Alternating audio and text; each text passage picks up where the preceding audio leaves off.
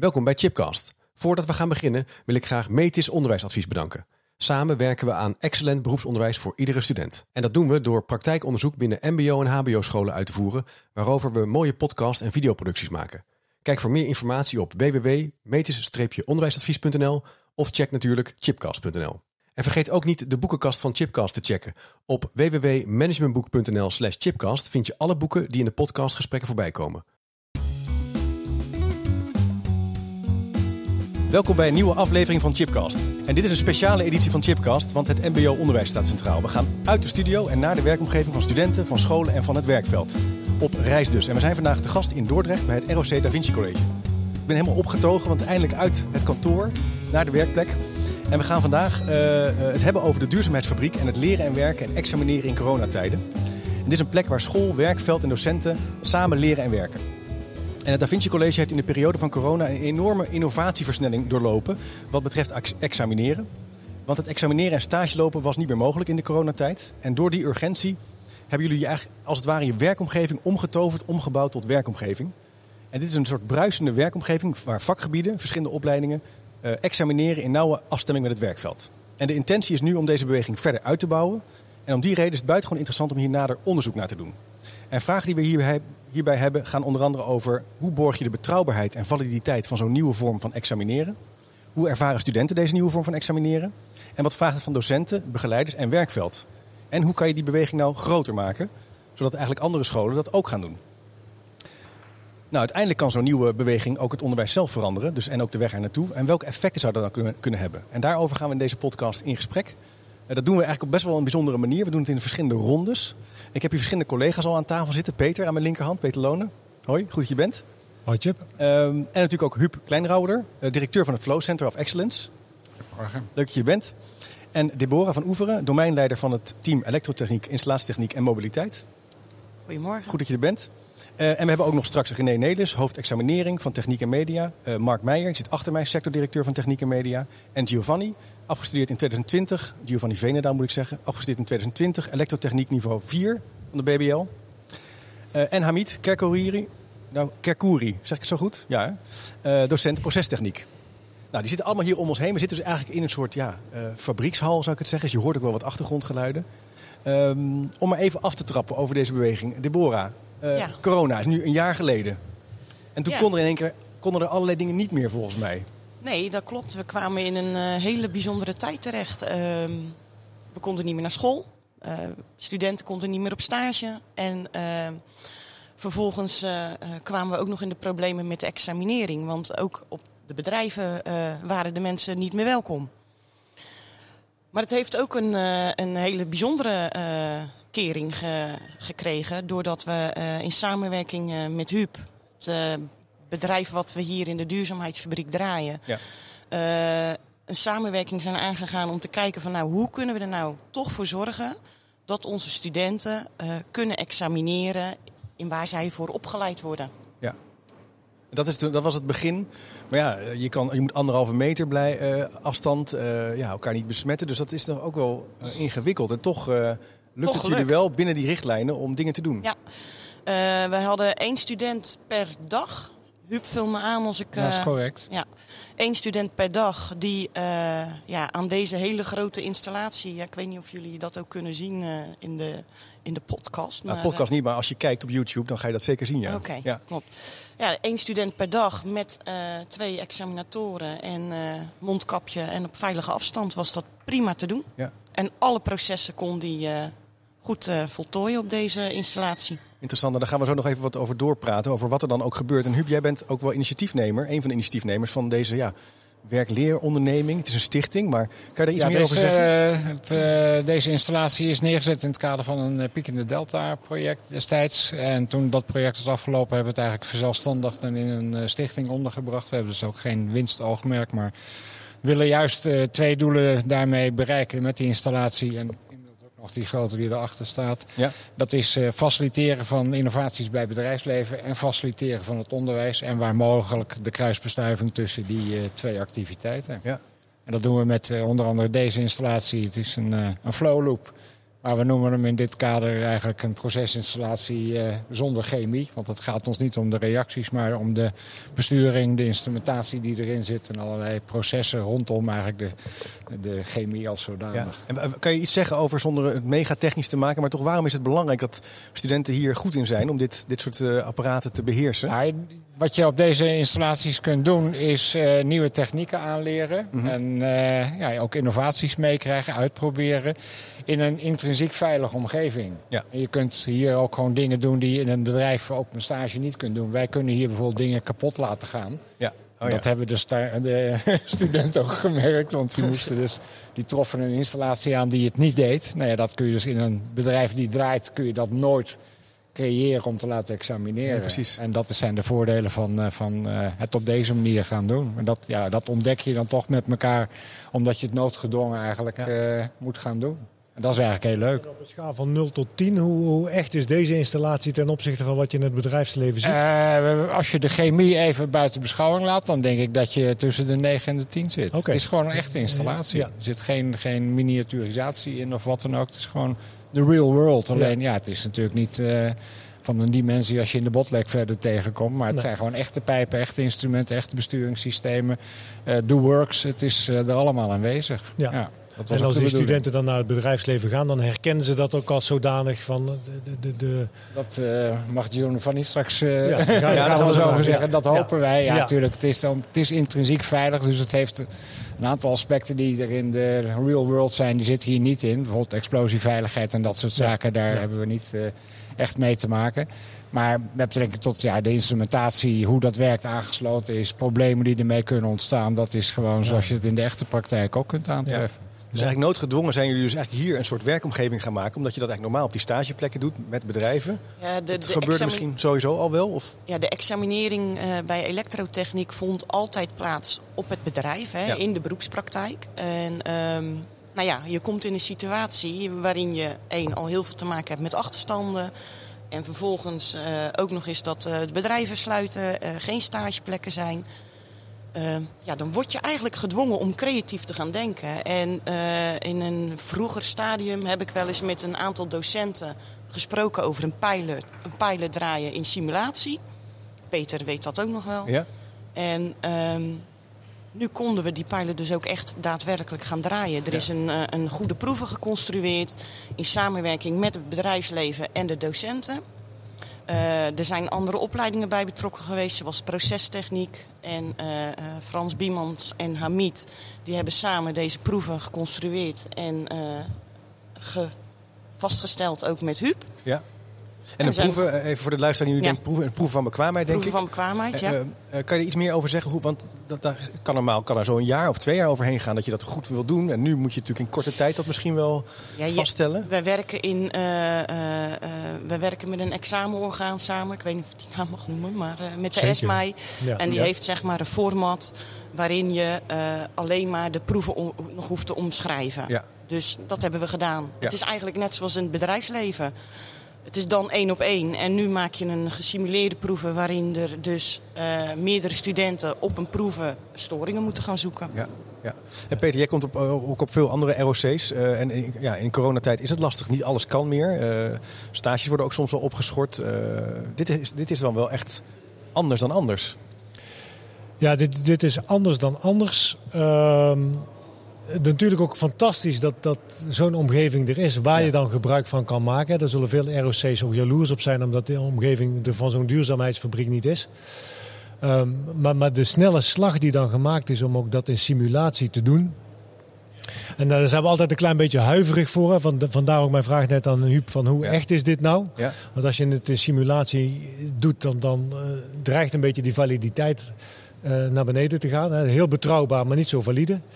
Nou ja, als je die win-win situatie kunt creëren en je hebt een, een werkplek vastgesteld die, die aan alle exameneisen voldoet, ja, dan heb je een hele mooie ja, ja, situatie gecreëerd, denk ik. Ja. En Huub, uh, nou wordt er wel eens gezegd dat het onderwijs te langzaam is, niet altijd kan reageren op het werkveld, dat die innovaties er al lang zijn, dan moet die, moeten die scholen nog komen. Lukt het jullie om gezamenlijk op te trekken uh, hier? Ja, dat ging eigenlijk heel goed. We hebben, ja? ja, het heeft, wij hebben, lang hebben we de tijd gehad om, om proevers te maken. Maar uiteindelijk, ja, om het echt te concretiseren, is dat toch in hele korte tijd uh, in een ja, soort pressure cooker ook samen met het onderwijs van oké, okay, zo gaan we het doen. Ja. Dat is, want het moet voldoen aan de eisen. Een student moet erop kunnen afstuderen. Dus ja. dat, dat, dat creëert uh, wel eisen. Dat is eigenlijk heel voortvarend uh, is dat gedaan. Ja. En, ja, we hebben op deze installatie eerder studenten gehad die dat gewoon als afstudeerstage uh, dingen gaan doen. Bijvoorbeeld een groep van vier studenten heeft als afstudeertraject hebben ze hier een compleet nieuw besturingssysteem uh, geïmplementeerd. Ja, gaaf. Ja. Wat is er nou voor nodig om, da om samen daar goed in op te trekken met het werkveld? Want dat is natuurlijk een uitdaging voor heel veel beroepsopleidingen. Samen het werkveld bouwen aan examineren, aan uh, lerend werken. Wat zijn dan zeg maar de geheime principes? Of was het gewoon zo dat corona dat het gewoon zo urgent was dat je wel moest? Nee, want de, de doelstelling om eigenlijk deze installaties ook te kunnen gebruiken voor het onderwijs, of het nou in het curriculum als zodanig is of in het eindstadium van het curriculum het aftesten met de, de proeven van bekwaamheid, die was al langer aanwezig. Ja. Uh, ja, door corona werd het wel op een gegeven moment van... oké, wij kunnen niet meer naar buiten met de studenten... dus nu moeten we wat anders verzinnen. Uh, kom op, uh, koppen bij elkaar en daar gaan we. Ja. En dat ging heel, heel voortvarend. Ja, wat, wat belangrijk is, is dat je eigenlijk elkaar in de rol respecteert... en, en, en die je hebt en dat ook als aanvulling op elkaar gaat zien. En dan kun je denk ik heel snel tot, tot meters komen... Ja. die je moet maken om het voor elkaar te krijgen. Dat is een belangrijk punt, is elkaar in elkaars rol snappen, maar ook elkaar aanvullen ja. op het verschil. In plaats van dat iedereen hetzelfde moet gaan doen. Ja, en, ja. ja en je weet, eh, zeg maar, oog hebben voor dat de wereld van de ander anders in elkaar zit dan je eigen wereld. Ja. Als je als bedrijfsleven gaat zeggen, ja, het trage onderwijs of ja, ja, het trage dit of het trage... Ja, daar, daar los je niks mee op, daar kom je niet verder mee. Je moet juist proberen elkaar te stimuleren en, uh, en, en zover te krijgen dat je zegt, oké, okay, uh, we gaan door. En dan, met enthousiasme kom je dan een heel eind. Mooi. En Deborah, wat doet dat nou met je team, met collega's, als je nou zo'n soort beweging maakt? Wat, uh, wat ontstaat er dan? Uh, nou, toch wel een beetje vreugde. Zeker in deze tijd. Als je kijkt naar. Uh, hè, in een week tijd moet je volledig online les gaan geven. Hè? Ja. De wereld staat op zijn kop.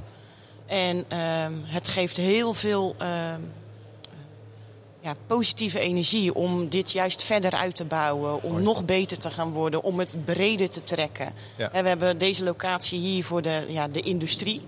En zo hebben we nog een locatie waarin we dus de huisinstallaties ook in simulatie Ja. kunnen Ja, aanbieden. hebben we gezien, ja. ja. Eh, dus ja, op die manier gaan we het steeds verder uitbreiden. Mooi dat je dat noemt vreugde in deze tijd. Ja, we Ja. hadden echt een vreugdemomentje. Want het was voor die tijd ook echt niet erg grappig.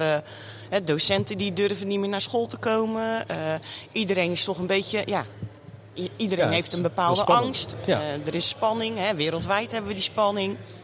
En dan toch in zo'n tijd iets moois neerzetten met elkaar. Ja, daar, daar doen we het voor, voor onze studenten uiteraard. Ja. En dan toch dezelfde kwaliteit kunnen bieden als het voor corona. Voor corona. Ja. Mooi. En dat is dus- Ze hebben het niet bij een pakje boter gekregen. Nee, maar, maar misschien heb je wel meer kwaliteit dan voorheen. Want nu heb je het op één plek. Heel veel condities in de hand. En een echte situatie gecreëerd. Klopt. Terwijl je anders heb je met al die andere lo- examenlocaties te maken. Waarvan er de een meer geschikt is dan de ander, kan ik me zo voorstellen. Dat is ook correct, ja. Zeker in de beroepspraktijk. Het ene bedrijf is niet het andere bedrijf. En eh, je wilt dat je student op dezelfde manier en op dezelfde kwaliteiten geëxamineerd wordt. Ja, Want daar sta je voor, voor Ja. kwalitatief goed onderwijs. En dat moet ook op die manier geëxamineerd worden. Ja. En dat konden we borgen. ja, Ze hebben alle drie dezelfde opdracht gehad. Ja. ja. ja. En al- alle drie, dat, dat zijn de drie studenten van verschillende opleidingen. Begrijp ik dat goed? Ja, alle drie van dezelfde opleiding, maar die dus bij verschillende bedrijven in principe stages Ja. liepen. Ja. Ja. En eh, ja, die hebben dus nu wel alle drie dezelfde opdracht gehad volgtijdelijk. Ja. Om, eh, waarmee je dus borgt dat het diploma wat deze drie hebben gekregen in ieder geval hetzelfde diploma is. Ja, ja. Om aan te sluiten met wat Deborah ja, zei. Ja, ja. Want ja, het ene bedrijf is het andere niet. En wat de een moet doen en de andere, dat maakt het altijd wat lastiger. Maar je blijft wel in de beroepscontext. Ze, Ja. ze examineren echt in de beroepspraktijk. ja. Dus het is geen schriftelijk examen geworden. Nee. Wat, als je dit nou doortrekt, deze beweging, wat er nu gaande is, wat zijn dan voor jullie vervolgstappen waar jullie nu mee aan het bouwen zijn als het gaat over op deze manier kijken naar examineren, naar leren, naar werken? Nou ja, we willen dit sowieso gaan uitbreiden. Eh, we ontkomen er niet aan om het ook gewoon nog in de beroepspraktijk eh, af te nemen. Hè? Want ja, we hebben best veel studenten die, ja. je moet daar ook de ruimte voor hebben. En ook wij hebben ons hier aan eh, bepaalde maatregelen te houden. Ehm, maar dat zit nog echt wel in de pijpleiding. Maar dit schooljaar gaan we weer uh, deze mooie installatie examineren en kijken hoe we dit verder kunnen uitbreiden. Ja. Maar dan hoor ik jou vooral zeggen dat het capaciteitsvraagstuk je ook dwingt om naar buiten te gaan. Want... Op dit moment wel. Ja. Uh, anderzijds uh, willen we juist wat meer naar binnen, omdat dat juist heel veel in, een, in de tijd scheelt voor mijn de docenten. De werkdruk gaat stukken naar beneden. Ja. En nu is het één op één en dan moeten ze al die studenten één op één buiten de deur. En nu heb je het hier. Ja. En je hoort ook, eh, achter, je, gebeurt hier ook van alles. Hè? Je, hebt, ja, je creëert een werk. Real life. Ja, maar dat is wat we ook graag willen zien en wat we ook graag willen meemaken. Het is misschien wel, je hebt lange tijd een trend gehad van uh, het, het, leren naar het werk. Radicaal bijna. Hè? Het werken en leren. En eigenlijk zien we hiermee ook wel langzaam teruggaan. Dat je dus ook in die leer schoolomgeving ook heel prima met ondernemingen kan leren en kan examineren, Peter. Ja. Nou, ik denk dat dat ook de kracht is van het MBO ten opzichte van het HBO. Ja. Dat het MBO er nog veel beter in slaagt om het bedrijfsleven aan zich te binden. Ja. En niet alleen naar buiten, maar ook naar binnen. En, en die kracht ja, die zou wel eens wat meer in het zonnetje gezet mogen worden, denk ik. Ja, mooi. Nou, daar gaan we in ronde 2 over doorpraten met Hamid en Giovanni. Uh, dank jullie wel voor jullie tijd en we gaan uh, op naar ronde 2. Giovanni en Hamid, leuk jullie even aan tafel komen. Uh, ik ga even bij Giovanni beginnen. Jij hebt hier dus ja, je, eind, je examen gedaan. Ja. Hoe was dat? Um, op het begin was het voor mij best lastig, want ik kom zelf uit uh, de automatisering als techniek. Ik uh, zou eerst mijn examen doen bij mijn werkbedrijf, waar ik, uh, waar ik momenteel ook nog steeds werkzaam ben. Alleen ondanks de corona ja, mochten daar geen externe partijen meer terrein opkomen. Dus mijn examen liep daarop stuk eigenlijk. Ja. toen kwam mijn docent Frans, die kwam uiteindelijk met een oplossing. En dat was uiteindelijk de installatie hier zo, het Flow Center. Ja. Um, alleen de installatie was ook nieuw voor mij. Dus ik had zelf uh, weinig gedaan met instrumentatie. Het stukje instrumentatie, dus de kleppen die je hier zo ziet. Ja. Omdat ik uit de automatisering ken. En de fabriek is voor mij nieuw. Theoretisch gezien uh, was de kennis op orde. Hey Giovanni, heel even van mijn beeld. Hè? Want ik, ik ben echt helemaal niet technisch opgeleid. Ja. Maar de, de, de, jij bent vanuit de automatisering. Ja. Dus dan zit je achter de laptop en bestuur je dat ding vanuit de laptop. En, en als het gaat over de instrumenten, dan gaat het echt over de buizen, de kleppen, de, de pompen, dat soort materiaal moet ik dan aan denken? Uh, automatisering wil echt zeggen een, een object dat automatisch uh, beweegt zonder dat daar handelingen van mensen bij komen. Ja. En uh, hier ging het echt om een stukje, dit is een ander soort techniek. Zo, zo okay. moet je het uiteindelijk Ja, ja. ja dacht je niet van, oeh, gaat dat dan ja. wel? Toch? Ja, dat was, dat was de eerste stap wat ik dacht van, nou dat wordt zwaar. Ja, ja, ja. Maar uh, nou ja, uiteindelijk heb ik heb Frans mij meegenomen hier naartoe. Hetzelfde voor die andere twee jongens die ook hier zo examen moesten doen. Die hebt het een en ander uitgelegd van wat is de basis? Wat is de fabriek die je hier zo ziet? En voor de rest, ja, je moet het doen. Het is je examen. We ja. kunnen niet te veel prijs geven. En uh, dit, is, dit is wat we gaan doen. Ja. Dus uiteindelijk daar ingestapt. En uh, nou ja, zeker leuk. Uh, we hebben een stukje onderhoud moeten doen. Dus wat zouden we kunnen verbeteren in deze fabriek nog? ik heb zelf onderhoud gelopen, dus er waren ook wel dingen waar we samen zeiden van oké, okay, dit kan beter en dat is voor de toekomst misschien een goed plan. en uiteindelijk moest ik storing gaan zoeken. Ja, dat is ook wat ik dagelijks deed. Alleen ja, daar ging ik iets te moeilijk denken. Ja, ja, ja. ja. En daar was het uiteindelijk uh, gebeurde het ene plan. Ja? ja. Maar is, het, is deze plek dan anders? Eigenlijk is die plek dus hetzelfde als een werkomgeving op een gegeven moment. Als het eenmaal als een storing moet gevonden worden. Een storing is een storing, alleen je hebt verschillende takken in de elektrotechniek. Ja. Je hebt iemand die uh, in, de, in de woningbouw zit. Dat is weer een heel ander stukje elektro. Ja. Je hebt iemand die bij de fabrieken loopt. Of je hebt iemand die zit echt in de automatisering. Dus je hebt één breed pakket elektro, maar het zijn allemaal aparte takken. Ja, ja, Zo kun je het zien. Hamid, jij bent van procestechniek. Yep. Uh, jij hebt meegebouwd hieraan. Uh, ja. ja. dat klopt, hoe, onder andere. Ja, hoe heb jij dat ervaren? Uh, ja, bij, het begon vorig jaar bij de procesoperators. We hadden jongens stage lopen bij onder andere de Shell en de, en de Suikerunie. Ja. En op een gegeven moment moesten ze weg omdat het te druk werd in de controlekamers, waarop de, de kans op besmetting alleen maar groter wordt. Dus uh, nou, ze hadden geen stage meer, maar ze moesten wel examineren. En toen zijn we hier uh, aan de gang geweest samen met Huub. Om te kijken of we een, examen kunnen, uh, een examenopdracht kunnen maken voor ze. En uiteindelijk is dat wel gelukt, samen ja. met Huub. de examen, examencommissie. Ja. We moeten wel zorgen dat alle werkprocessen en criteria wel gedekt zijn ja. in zo'n opdracht. uiteindelijk is dat wel gelukt. En we hebben zo wat, wat is dan je grootste uh, uitdaging, Hamid? Waar, waar, loop je dan vooral tegenaan als je zo'n opdracht gaat schrijven? Um, nou ja, we houden, we houden natuurlijk het kwalificatiedossier, dat zetten we ernaast. En, en, en kijken waar het dan moet voldoen. Mm -hmm. en, en, dat is wel de uitdaging. Het moet wel uh, alle criteria dekken die, die, die voorkomen in een, in een examen. Ja. Dus, en dat, dat, was wel de uitdaging, maar we zijn uiteindelijk wel... Uh, uiteindelijk is het wel gelukt. Dus ja. begon bij de operators. En daarna is, het, uh, daarna is de opleiding elektro. Die kwamen met hetzelfde probleem te zitten. Ja. En ook daar hebben we samengewerkt met de Flow Center. En uh, Frans en Deborah. Maar wat is spannend is, is dat kwalificatiedossier heb je in de ene hand. Er staan allerlei mooie dingen in, prachtig ja. opgeschreven. En dan heb je die praktijk, ook nog eens in coronatijd. Ja. En dat moet je een beetje over elkaar heen leggen. Jij schetst dat ook al eventjes van. Je, je komt uit een bepaalde werkomgeving. Dat is wat anders dan wat je hier gaat doen. Weten wat, wat, ja, wat is nou, onderwijskundig meer? Zo'n zo kwalificatiedossier is natuurlijk toch al een, een papieren weergave van de werkelijkheid. Ja. Dus dat, dat is aan de ene kant heel gedetailleerd. Aan de andere kant heb je daar veel, veel ruimte in. Maar om dat te vertalen naar een echte examensituatie, de, de, daar loop je altijd tegen, soms tegenstrijdige dingen aan die je dan toch ja, moet klopt. oplossen in elkaar, klopt. met elkaar. En, ja, we hebben natuurlijk uh, eerst een opdracht gemaakt, dan weer, uh, weer overlegd, ook onder andere met, uh, met de examencommissie van voldoet dit? Ja. ja. En zo zijn we te zo ben je gegaan. Is het een beetje gelukt, Giovanni, ja. die opdrachten? Of dacht je van nou... Uh, nee, ik ben begonnen uiteindelijk hier zo met onderhoud. Ja. Uh, om te kijken voor uh, ja, wat ik vertelde, wat ja, kunnen we verbeteren. Ja, ja. dat ging allemaal goed. toen uiteindelijk ja, moesten we een storing oplossen. Dat zijn meerdere storingen in het systeem. Zijn er gemaakt door de docenten. alleen ik weet niet wat die storingen zijn. Um, dus ja, je begint bij het begin en je gaat het allemaal uitpluizen.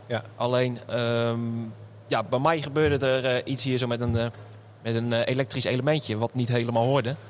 Uh, en dat bracht mij op het verkeerde spoor uiteindelijk in mijn examen. Ja. Dus je duikt van het ene probleem, wat er eigenlijk niet in hoort, nee. duik je in het andere probleem. En dat was de reden dat ik uiteindelijk stuk liep uh, de eerste dag in mijn examen. Was je zenuwachtig toen dat gebeurde? Toen het gebeurde niet. Alleen toen ik op een gegeven moment... Uh, in, in elektrische heb je allemaal circuitjes. Ja. En voor mezelf had ik het helemaal uitgepluist. Van oké, okay, dit is allemaal goed, weet je wel. Ja. Het kan hier niks fout zijn. En dan ga je toch wel twijfelen aan jezelf op een gegeven moment. Dat je denkt van ja, al die jaren is goed gegaan in je... En nu zit ik in één keer En nu zit ik ineens hier zo, uh, ja. weet ik niet meer. Maar, maar, eigenlijk is dit het mooiste voorbeeld dat het een echt examen is. Ja. Want, want, dit kan natuurlijk in de, in de echte beroepspraktijk hè, ook gebeuren. Dat er ja. iets kapot gaat wat niet vooraf geprogrammeerd is. Ja, alleen hetgene wat mij op een gegeven moment uh, wat nerveuzer maakte... was op een gegeven moment dat de docent ook zei van... oké, okay, deze storing hoort er niet in.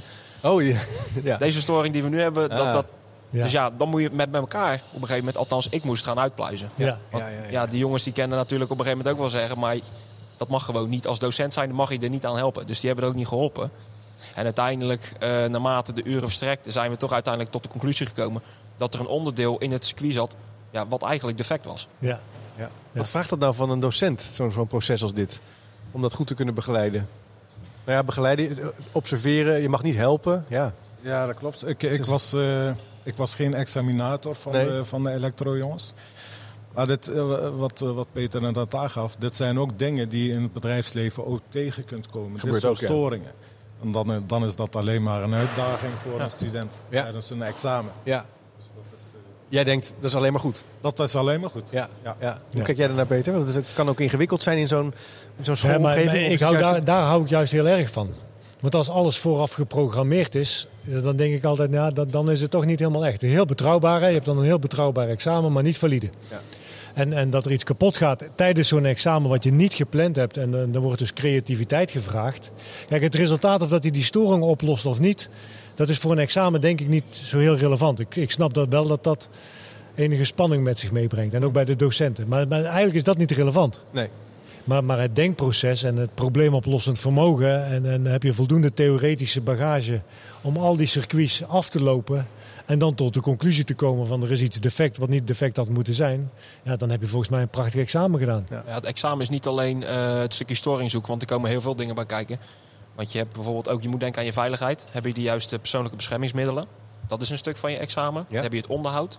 En heb je uiteindelijk de storingen, maar ook hoe ga je met je gereedschap om? Ja. Dus ben jij ook veilig voor jouw werkomgeving? Ruim je je spullen op? Laat je geen dingen slingeren? Dus dat zijn allemaal dingen... En, en ik kan me voorstellen, in, in zo'n moment van zo'n storing... moet je al die andere facetten ook in het oog blijven houden. En die mag je dus niet op verzaken, Amit. Dat klopt.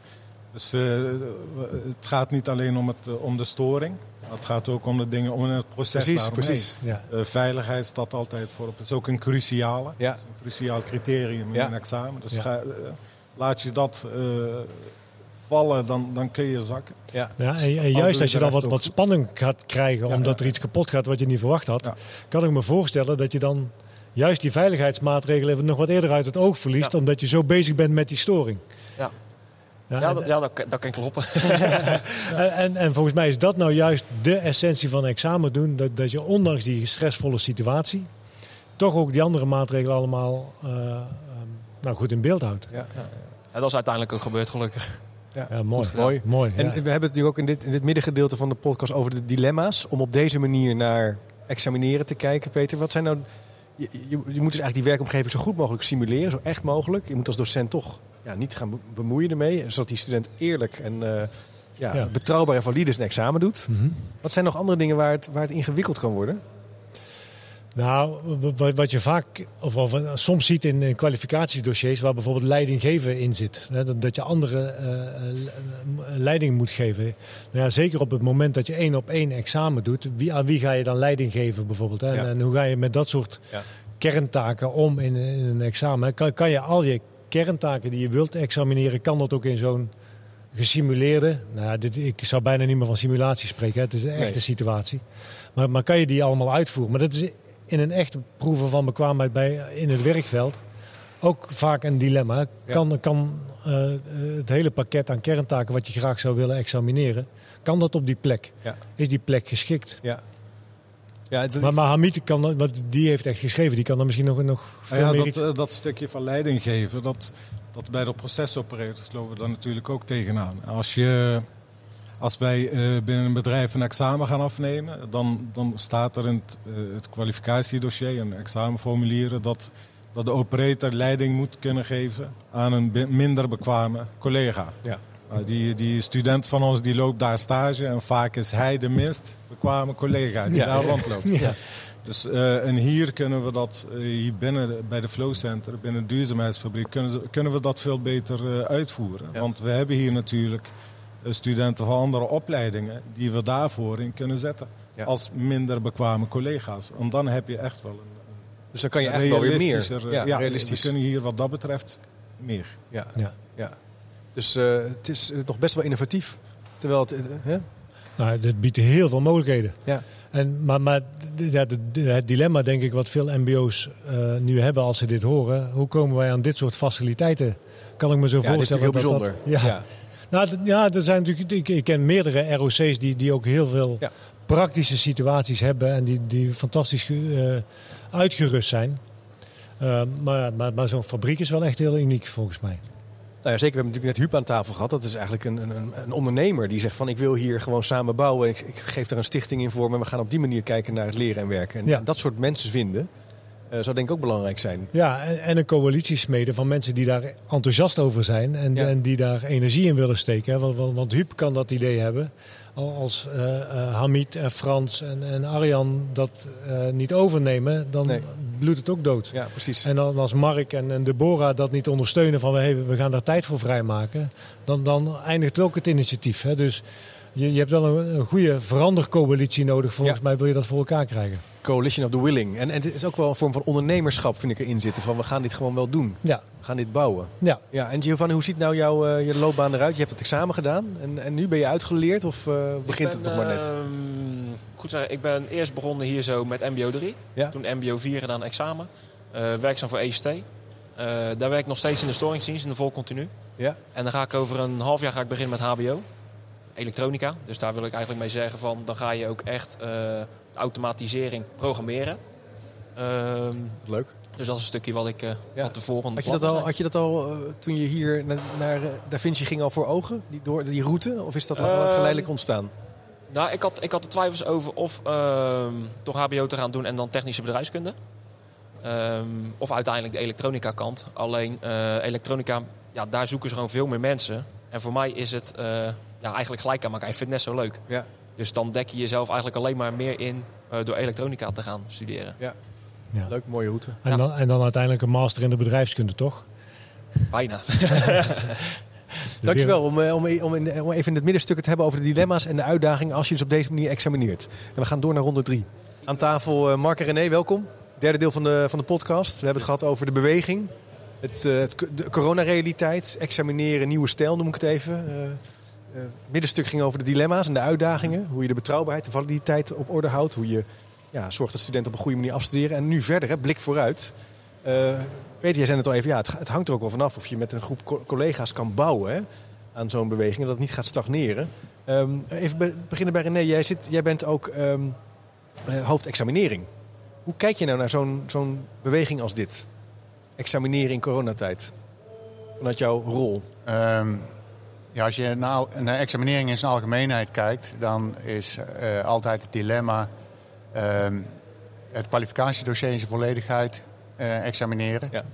En dat kan in het bedrijfsleven, dat kan op school. Dat is voor ons, dat op zich is niet nieuw. Er zijn ja. ook al uh, bij andere opleidingen uitvoeringspraktijken op school gerealiseerd. Um, het heeft voordelen en het heeft nadelen. Uh, en dat, dat, geldt voor beide uh, settingen. Ja. Dus het, uh, in, in, in dat opzicht is het, niet zo, is het niet zo nieuw. En dus niet specifiek ook voor coronatijd. Wij hebben in onze examenplannen ehm, min of meer standaard staan dat we in het beroepenveld examineren. Al, alleen als er geen geschikt werk voorhanden is op een bepaald moment, ja. dan wordt uitgeweken naar school. En die situatie is een beetje omgekeerd nu door deze uh, coronasituatie. Ja, ja. uh, daarbij hebben we, ik weet niet of ik daarin moet, op in moet gaan hoor, een aantal voordelen, een aantal uh, risico's kan ik benoemen die daarmee te maken hebben. Als je naar de voordelen kijkt, je hebt gelijke examenomstandigheden. En dat is in bedrijven zeker niet het geval. We nee. moeten er wel proberen om dat te waarborgen via constructie en vaststelling van de examenopdracht. Maar dat kun je toch niet voor 100% eh, waarborgen. Uh, de inzet van deskundige examinatoren. We hebben een beperkte set examinatoren die we hier inzetten, waarvan wij weten dat ze deskundig zijn. Dat betekent ook dat onze scholingscapaciteit uh, relatief gering hoeft te zijn. Wij hoeven niet allerlei mensen uit het bedrijfsleven die soms heel incidenteel worden ingezet te waarborgen dat zij deskundig zijn. Ja. Dus dat, is voor ons als examencommissie duidelijk een voordeel. De tijdsbesteding is, uh, is veel geringer. Uh, men hoeft niet naar een bedrijf toe, hoeft niet op en neer te rijden, er zit geen reistijd in. Uh, men hoeft geen energie te steken in hele specifieke voor de betreffende situatie op het bedrijf van toepassing zijnde opdrachten. Nee. En ook het, het, heen en weer mailen of het bezoeken om, voordat zo'n opdracht er ligt en het uitgevoerd kan worden. Precies. Nou, dat bespaar je allemaal. Maar er zitten ook, ook risico's aan. En um, een deel daarvan heb ik uh, zojuist al een beetje gehoord. Uh, dekking kwalificatiedossier en dan volledige dekking. Ik, ik noem maar iets en ik, ik, weet niet, ik ben niet technisch inhoudelijk deskundig. Ik ken deze installatie niet, dus het kan goed zijn dat het wel kan. Maar bijvoorbeeld ik had even in het niveau 3 van elektrotechniek gekeken. Daar staat op een gegeven moment thermografische scans, ultrasone inspectie. En uh, dan vraag ik mij vanuit mijn rol af, kan dat hier dan ook daadwerkelijk? Precies, gebeurt dat? Gebeurt dat ja. ook? Uh, nou hoef je niet alles wat in het kwalificatiedossier staat uh, te examineren. Natuurlijk het gaat om de kern van het beroep. Dat is tegenwoordig de eis. Dus. Maar die, die vraag die ligt er dan wel. Maar dat is uh, voor de constructeurs en de vaststellers van de examenopdracht een, een, zorg. Um, waar ik me ook iets, wat ik me ook iets afvraag is, is er voldoende variatie in opdrachten voor verschillende opleidingen? Ja. Of wordt het een kunstje wat straks telkens opnieuw wordt herhaald? En wat ook uh, door wanneer studenten met elkaar in gesprek zouden gaan, uh, ja, waar wel wat informatie weggegeven zou kunnen worden.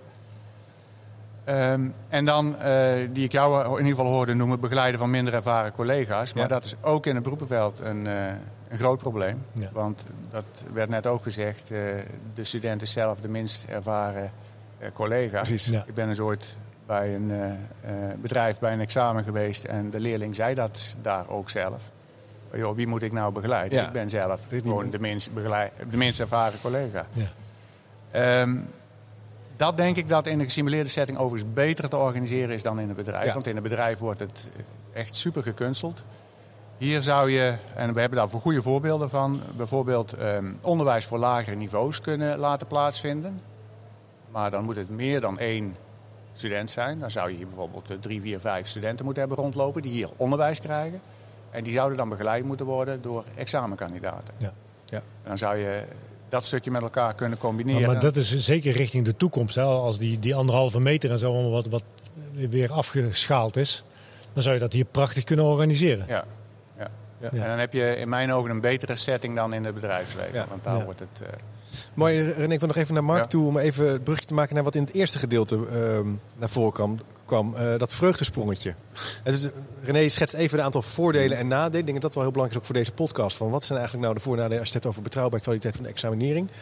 Maar het gaat dus ook, blijkbaar ontstond er ook enorm veel energie bij collega's om dit gesprek met elkaar te voeren. Zag jij dat ook? Ja, ja en nee. Ik, ik, uh, en dan kom ik gelijk een beetje op het punt van de coalitie waar jullie het ook al eerder over hadden. Want uh, ja, ik heb het gezien toen ik ervan wist. Ja. Maar nee, ik heb het niet gezien omdat ik er niet van wist. En dat is precies de coalitie waar jullie ook een beetje op doelen is je moet ook wel de ruimte geven aan het onderwijs om, om, zeg maar, om, de, ja, om te kunnen ondernemen en te kunnen experimenteren. Ja. En wij hebben vanuit, uh, ik denk vanuit directie en ook vanuit CVB hebben we kaders gesteld. Uh, deels, van, deels vanuit de overheid, ook vanuit de nieuwe regelingen die dan rondom uh, corona zijn. En we hebben de teams, ik heb in ieder geval, ik heb in ieder geval de teams de ruimte gegeven om daarbinnen te zoeken zeg maar, naar oplossingen. Ja. En deze oplossing die uiteindelijk zeg maar, op tafel is gekomen, hè, waar we nu met elkaar over spreken, die, is, die heeft het team zelf gemaakt. Ja. En daar hebben ze uiteindelijk ook geen akkoord voor vragen. Want ze hebben, het op, uh, ze hebben het opgepakt met de juiste stakeholders. Onder andere met René. Hè. Dat is een van de belangrijkste voor mij. Hè. En als René het goed vindt, dan vind ik het ook al heel snel goed. Ja. Dus, ik was, uh, dus ze hebben zeg maar, een heel ingetogen vreugdedansje gedaan met elkaar. zonder dat ze verder te delen. En toen ik ervan hoorde, ja, toen dacht ik wel gelijk van een, met een stukje PR. Van ja, dit is zo mooi wat hier gebeurt. Dit moeten we, dit, dit, dit moeten we breder delen. En niet alleen maar naar buiten toe, maar ook gewoon naar binnen toe. Ook naar andere uh, domeinen. Of misschien wel naar andere sectoren. Van wat waar we eigenlijk toe in staat zijn. Om toch die ruimte te zoeken. Ja, waar, ja, dus ik vond eigenlijk de docenten heel bescheiden. En ze zullen ongetwijfeld blij zijn, blij zijn geweest. Maar ik was echt heel erg trots op, op de coalitie die gevormd is door verschillende docenten vanuit verschillende domeinen. Ja. Uh, managers die erbij betrokken zijn. En uiteindelijk René als, als, als, als hoofdex, ja, hoofdexaminering. Ja, het is een vorm van een ontwerpproces, uh, Peter, met een klein clubje collega's. Ja, ja de, de, de goede mensen bij elkaar en, ja. en het einddoel voor ogen hebben ja, kom, kom je in een heelheid en, en ruimte krijgen ook om dat te doen. En het vertrouwen voelen dat dat ook mag. Ja, maar daar hebben we heel veel over gespart. Ook met ons, ons, college van bestuur. Hè. Elke keer als er vanuit de overheid hè, na een persconferentie weer een nieuwe, nieuwe maatregelen werden genomen. Dan, vroeg, uh, dan vroegen wij ons af, moeten wij nou uh, zeg maar, al die regels vertalen in, in nieuwe maatregelen voor het onderwijs? Of moeten we de ruimte geven en zeggen, joh, dit zijn de kaders en zoek dat op. In het begin hebben we daar, daar zitten worstelen. Want, want de een vraagt om, uh, om regels en, en duidelijkheid. En de ander vraagt om die ruimte. Uiteindelijk hebben we besloten, nee, weet je, eh, in ieder geval voor onze sector, van nee, we, we hebben de kaders en daarbinnen eh, geef ik de teams de ruimte.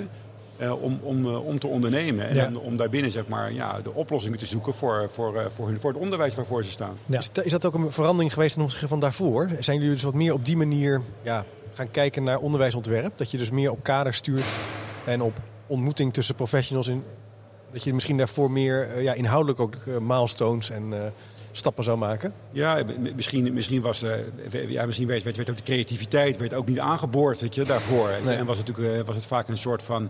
Nou, in beton groot is een groot woord, maar was het wel redelijk ja. vaststaand. Ja. Ja. En, en dat was ook hè, vanuit de examinering ook van... ja, weet je, zo, zo doen we het nou eenmaal of zo moet het. Maar hierdoor werden we gedwongen om anders naar te kijken... En ook iemand als René, die heeft daar ook, uh, ja, ook, ook zijn volledige, de volledige ruimte in gegeven om, om daarin mee te gaan. Ja. Ja, dat gaat niet alleen voor examineren, maar ook voor onderwijs. Dus ja, het heeft ons uiteindelijk in die zin ook heel veel gebracht. Maar goed, dat, dat, dat hoor je natuurlijk uh, door, door, de, door heel Nederland hoor je dat heen. Ja. Het heeft ons heel veel gebracht in... Uh, en, nou, en nu is de vraag van wat gaan we daarvan, ja, wat gaan we daarvan meenemen zeg maar, over de eindstreep. Ja. ja. Maar mag ik daar aan René een vraag over stellen, over die toekomst? Hè? Want, want er is natuurlijk in, in, in toetsing- en examineringsland een, een grote roep om meer programmatisch te toetsen. Hè. Dat je bewijsmateriaal al tijdens je opleiding verzamelt. En dat dan aan het eind niet meer zo'n proeven van bekwaamheid zit. Maar dat, dat die beslissing eigenlijk genomen wordt op, op alles wat je in je hele loopbaan hebt laten zien. Zou, zou dit daar ook aan kunnen, want je hebt het in huis. Zou, zou dit eraan kunnen bijdragen dat je meer die kant op wil? Of kan, hè, we willen, dat is, daar begint het, maar dat weet ik niet of dat, dat aan de orde is. Maar stel dat je het zou willen, zou het dan beter kunnen? Weet ik niet. Uh, als we naar de huidige manier van examinering kijken en exameneisen die ook door de onderwijsinspectie worden gesteld, dan is het wel een gescheiden wereld, onderwijs en examinering. En daar zijn ook wel goede redenen voor. En ik, ik, kan me ook wel voorstellen dat er ook mogelijkheden zijn om het op een andere manier te doen. Maar de vraag wordt dan altijd wie stelt dat dan vast en onder welke condities wordt dat vastgesteld. En als het onderwijs is en eh, met name de mensen die bij die opleiding direct betrokken zijn van zo'n kandidaat, die zijn toch vaak ja, niet onafhankelijk genoeg. Uh, kijk, als, als iemand een hele lange periode doormaakt, waarin die door onder verschillende tijdstippen, onder verschillende omstandigheden, door verschillende functionarissen uh, wordt gezien, dan praat ik maar niet even over het beoordeeld, maar wordt gezien. En die komen allemaal tot dezelfde conclusie. Dan zou je misschien op basis daarvan uiteindelijk een diploma kunnen verstrekken. Maar zover zijn we nog niet. En, dat, dat, zou ook betekenen dat dan een onderwijsinspectie anders naar examinering moet gaan kijken. Ja. Tot nu toe zijn de eisen nog gewoon heel duidelijk. Gescheiden trajecten met zoveel mogelijk onafhankelijke examinatoren die de kandidaat niet kennen. Ja.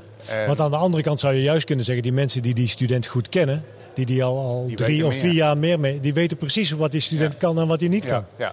Als dat oordeel altijd eerlijk en betrouwbaar zou zijn, ja dan denk ik dat dat uh, geen probleem zou moeten zijn. Nee. nee. En dan biedt zo'n omgeving, als hier zo'n examensetting, biedt dan ook heel veel mogelijkheden. Want je kunt ze daar langzaam op voorbereiden. Maar, de, maar de, de ervaring leert ook. Ik heb heel veel examens gezien. Wij noemen dat zogenaamde APK's. Dus ga je meekijken bij een examen. Uh, in een, maar dan vooral in de beroepspraktijk ook.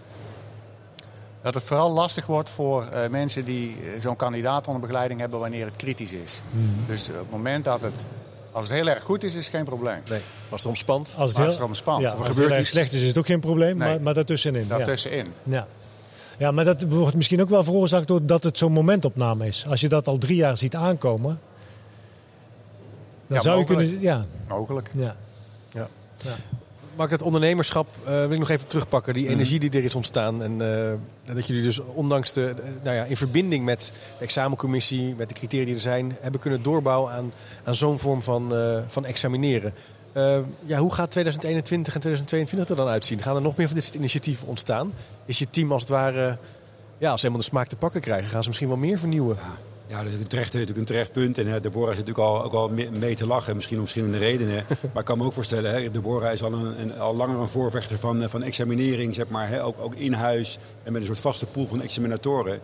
Uh, en dat is tot op heden nog niet van de grond gekomen. Een beetje een soort kip-ei verhaal. Hè. Moet je eerst moet je erin investeren of moet je eerst zeg maar, uh, toch daar, daar, daar voldoende redenen voor hebben?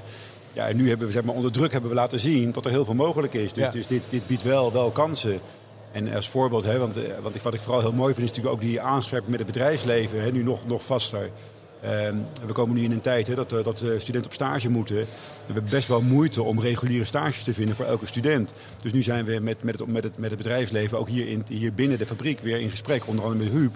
We kunnen mensen ook stage lopen op deze, op, op, op, deze installatie. En, en Huub gaat nu een aantal stagiaires begeleiden voor ons. Uh, die, dus gewoon, die, dus, die kunnen het gewoon examineren zo meteen. Die kunnen gewoon hun ja, opleiding afronden zo meteen. En nu wordt inderdaad de vraag zo meteen, wat gaan we vasthouden in het nieuwe jaar? En dat is niet een vraagstuk alleen voor, uh, voor, voor onze sector of alleen voor Deborah met, uh, met elektrotechniek. Dat is een vraag voor heel Da Vinci en voor het hele onderwijs. Ja. En toevallig binnenkort, uh, ik denk over een week of drie, hebben we een, een, drie, een soort inspiratie, drie dagen hier met, met Da Vinci. En dan gaat het eigenlijk met name daarover. Dan ja. gaat het over blended learning. hoe kunnen we dat vasthouden? Hoe ziet het onderwijs van de toekomst eruit? Ja. Waarin teams echt tijd met elkaar krijgen om daarover na te gaan denken. Maar ik vind dat deze campus, noem ik hem maar even, of deze omgeving al wel een soort ondernemen, iets van ondernemen uitstraalt. Zou je, kunnen, je zou kunnen voorstellen straks dat dit dus nog meer een plek is waar, je, waar studenten ondernemen, samenwerken met het bedrijfsveld. Waar niet, misschien, kijk, nu zijn er allemaal super technische, elektro-achtige stages, maar misschien ook wel, uh, nou ja, ja. Uh, ja. hospitality. Nou, je kan de grenzen opzoeken van, wat er, van, van, van opleiden en leren, Peter. Ja. Ja, de vraag of dat altijd... Of kan dat niet? Ja, dat kan zeker. Ik, ik, ik, wat ik me afvraag, van, moet het altijd in, in de zin van ondernemen? Hè? Er zit natuurlijk gewoon ook heel veel... Gewoon, uh, nou ja, misschien is het een hele ouderwetse term, maar, maar ambacht in. En die jongens en meiden die hebben niet zozeer de, de, de noodzaak om te ondernemen... maar wel om een ambacht ja. en een vak gewoon goed te leren. Ja, mooi. Ja, en en dus, dat kan in deze omgeving natuurlijk heel erg prachtig. En, en dan zijn er ook de stage-initiatieven die Mark net noemde. zijn volgens mij ook hele mooie initiatieven... Uh, wat, wat, we spraken in het voorgesprek even een student die zei: ja, Ik loop misschien al wel twintig weken achter met mijn stage. Ja, daar kan zo'n jongen niks aan doen. Uh, de opleiding kan daar heel weinig aan doen. Maar als je daar wat aan kan faciliteren en, en nou, ook, ook, hier in de omgeving stage kan laten lopen, heb je denk ik weer een extra slag geslagen. mooi. Dus het, maar, het is wel een soort vliegwiel hoor. Want eens, het gaat niet alleen maar om ondernemerschap aan zich. Het gaat natuurlijk ook. Maar, maar, deze, zeg maar deze praktische omgevingen waar studenten in kunnen, kunnen leren en kunnen werken, dat zijn wel heel prettig. We hebben natuurlijk hier verderop hebben we een horecagelegenheid. Uh, we zijn nu bezig voor onszelf om uh, rondom IT en media een, een, een, een gebouw zo in te richten. Ehm, dus, dus er, er, ontstaan wel heel veel initiatieven, zeg maar. En, en dat, dat geeft natuurlijk wel ontzettend veel mogelijkheden. In die zin kijkt iedereen natuurlijk altijd een beetje jaloersmakend naar de fabriek. Uh, maar we gaan dat nu wel, zeg maar, nou niet kopiëren, maar we gaan het wel uitbreiden nu ja, verder. Ja, Want het, het, werkt gewoon, ja, het, het, het, het, werkt gewoon versterkend in die zin. Uh, dus er, er, komen, er komen mooie, ontstaan hele mooie zaken nu. Ja. Uh, voor nu en ook voor, gewoon voor de toekomst uiteraard. het viel me ook op in de ochtend dat wij hier een rondleiding kregen. Alle studenten die wij ontmoeten zeiden, ik vind het zo fijn om even hier te zijn. Ja. Gewoon lekker eh, te leren en te werken. Dat hebben wij natuurlijk al. Dat, dat zei, jij zei het ook in het begin. Ja, toch? Dat mag er even uit. Ja, mag ja. uit. Ja. Dat staat als je dan inderdaad wat jong bent en je dat is helemaal de avondklok. Ja. Ja. Uh, René, nog, nog één vraag aan jou. Van, van, als je nou naar dit examen kijkt, dan weer even terug naar de examinering. Um, um, steek jij hier gewoon echt, echt je handen voor in het vuur dat dit goede examens zijn geweest die we hier hebben afgenomen? Dat kan ik nog niet zeggen, omdat ik uh, bij deze toevallig geen zogenaamde APK heb uitgevoerd. Dus ik ben er niet, nog niet bij aanwezig geweest. Dus dat staat nog open. Ja, ja. Dus er komt nog een deel 2. Ja, nou ja. Het is heel goed dat René zo uh, Ja, zeker. Maar, maar de, René is echt het geweten van de examinering. Je weet ik ook. En, en, dat is een hele belangrijke rol om die gewoon heel objectief en scherp te hebben. En dat, dat is ook goed. Ja. Nou, we blijven het initiatief gewoon volgen, Peter. En wie weet kunnen we nog René nog eens een keer over een tijdje nog... in zo'n coalitie moet je natuurlijk de juiste mensen aan tafel hebben. En daarom is René gewoon heel belangrijk hierin. Nog wel belangrijker dan ik of belangrijker dan ons college van bestuur. Kijk, als René het goed vindt, nou, dan 9 van de 10 keer, dan vind ik het ook goed. Hè, dat, uh... Maar dan... Uh dan is het ook goed. Ja, In alle bescheidenheid, ja, dan, dan, is het ook goed. Ja. Leuk. Um, dus we, we, gaan, we blijven het volgen, René. Het was leuk om jou ook even aan tafel te hebben vanuit de examencommissie. Om dat perspectief ook op, uh, op deze mooie uh, duurzaamheidsfabriek uh, te hebben. Bedankt voor jullie tijd. Graag gedaan. En leuk om dit gesprek met jullie aan te gaan. beste luisteraar, als je nou nog informatie wil hebben of bepaalde linkjes in het gesprek terug wil luisteren, ga dan even naar chipcast.nl of naar oabdekkers.nl. Dan vind je meer informatie. Ik zou zeggen, bedankt voor het luisteren en tot de volgende keer maar weer.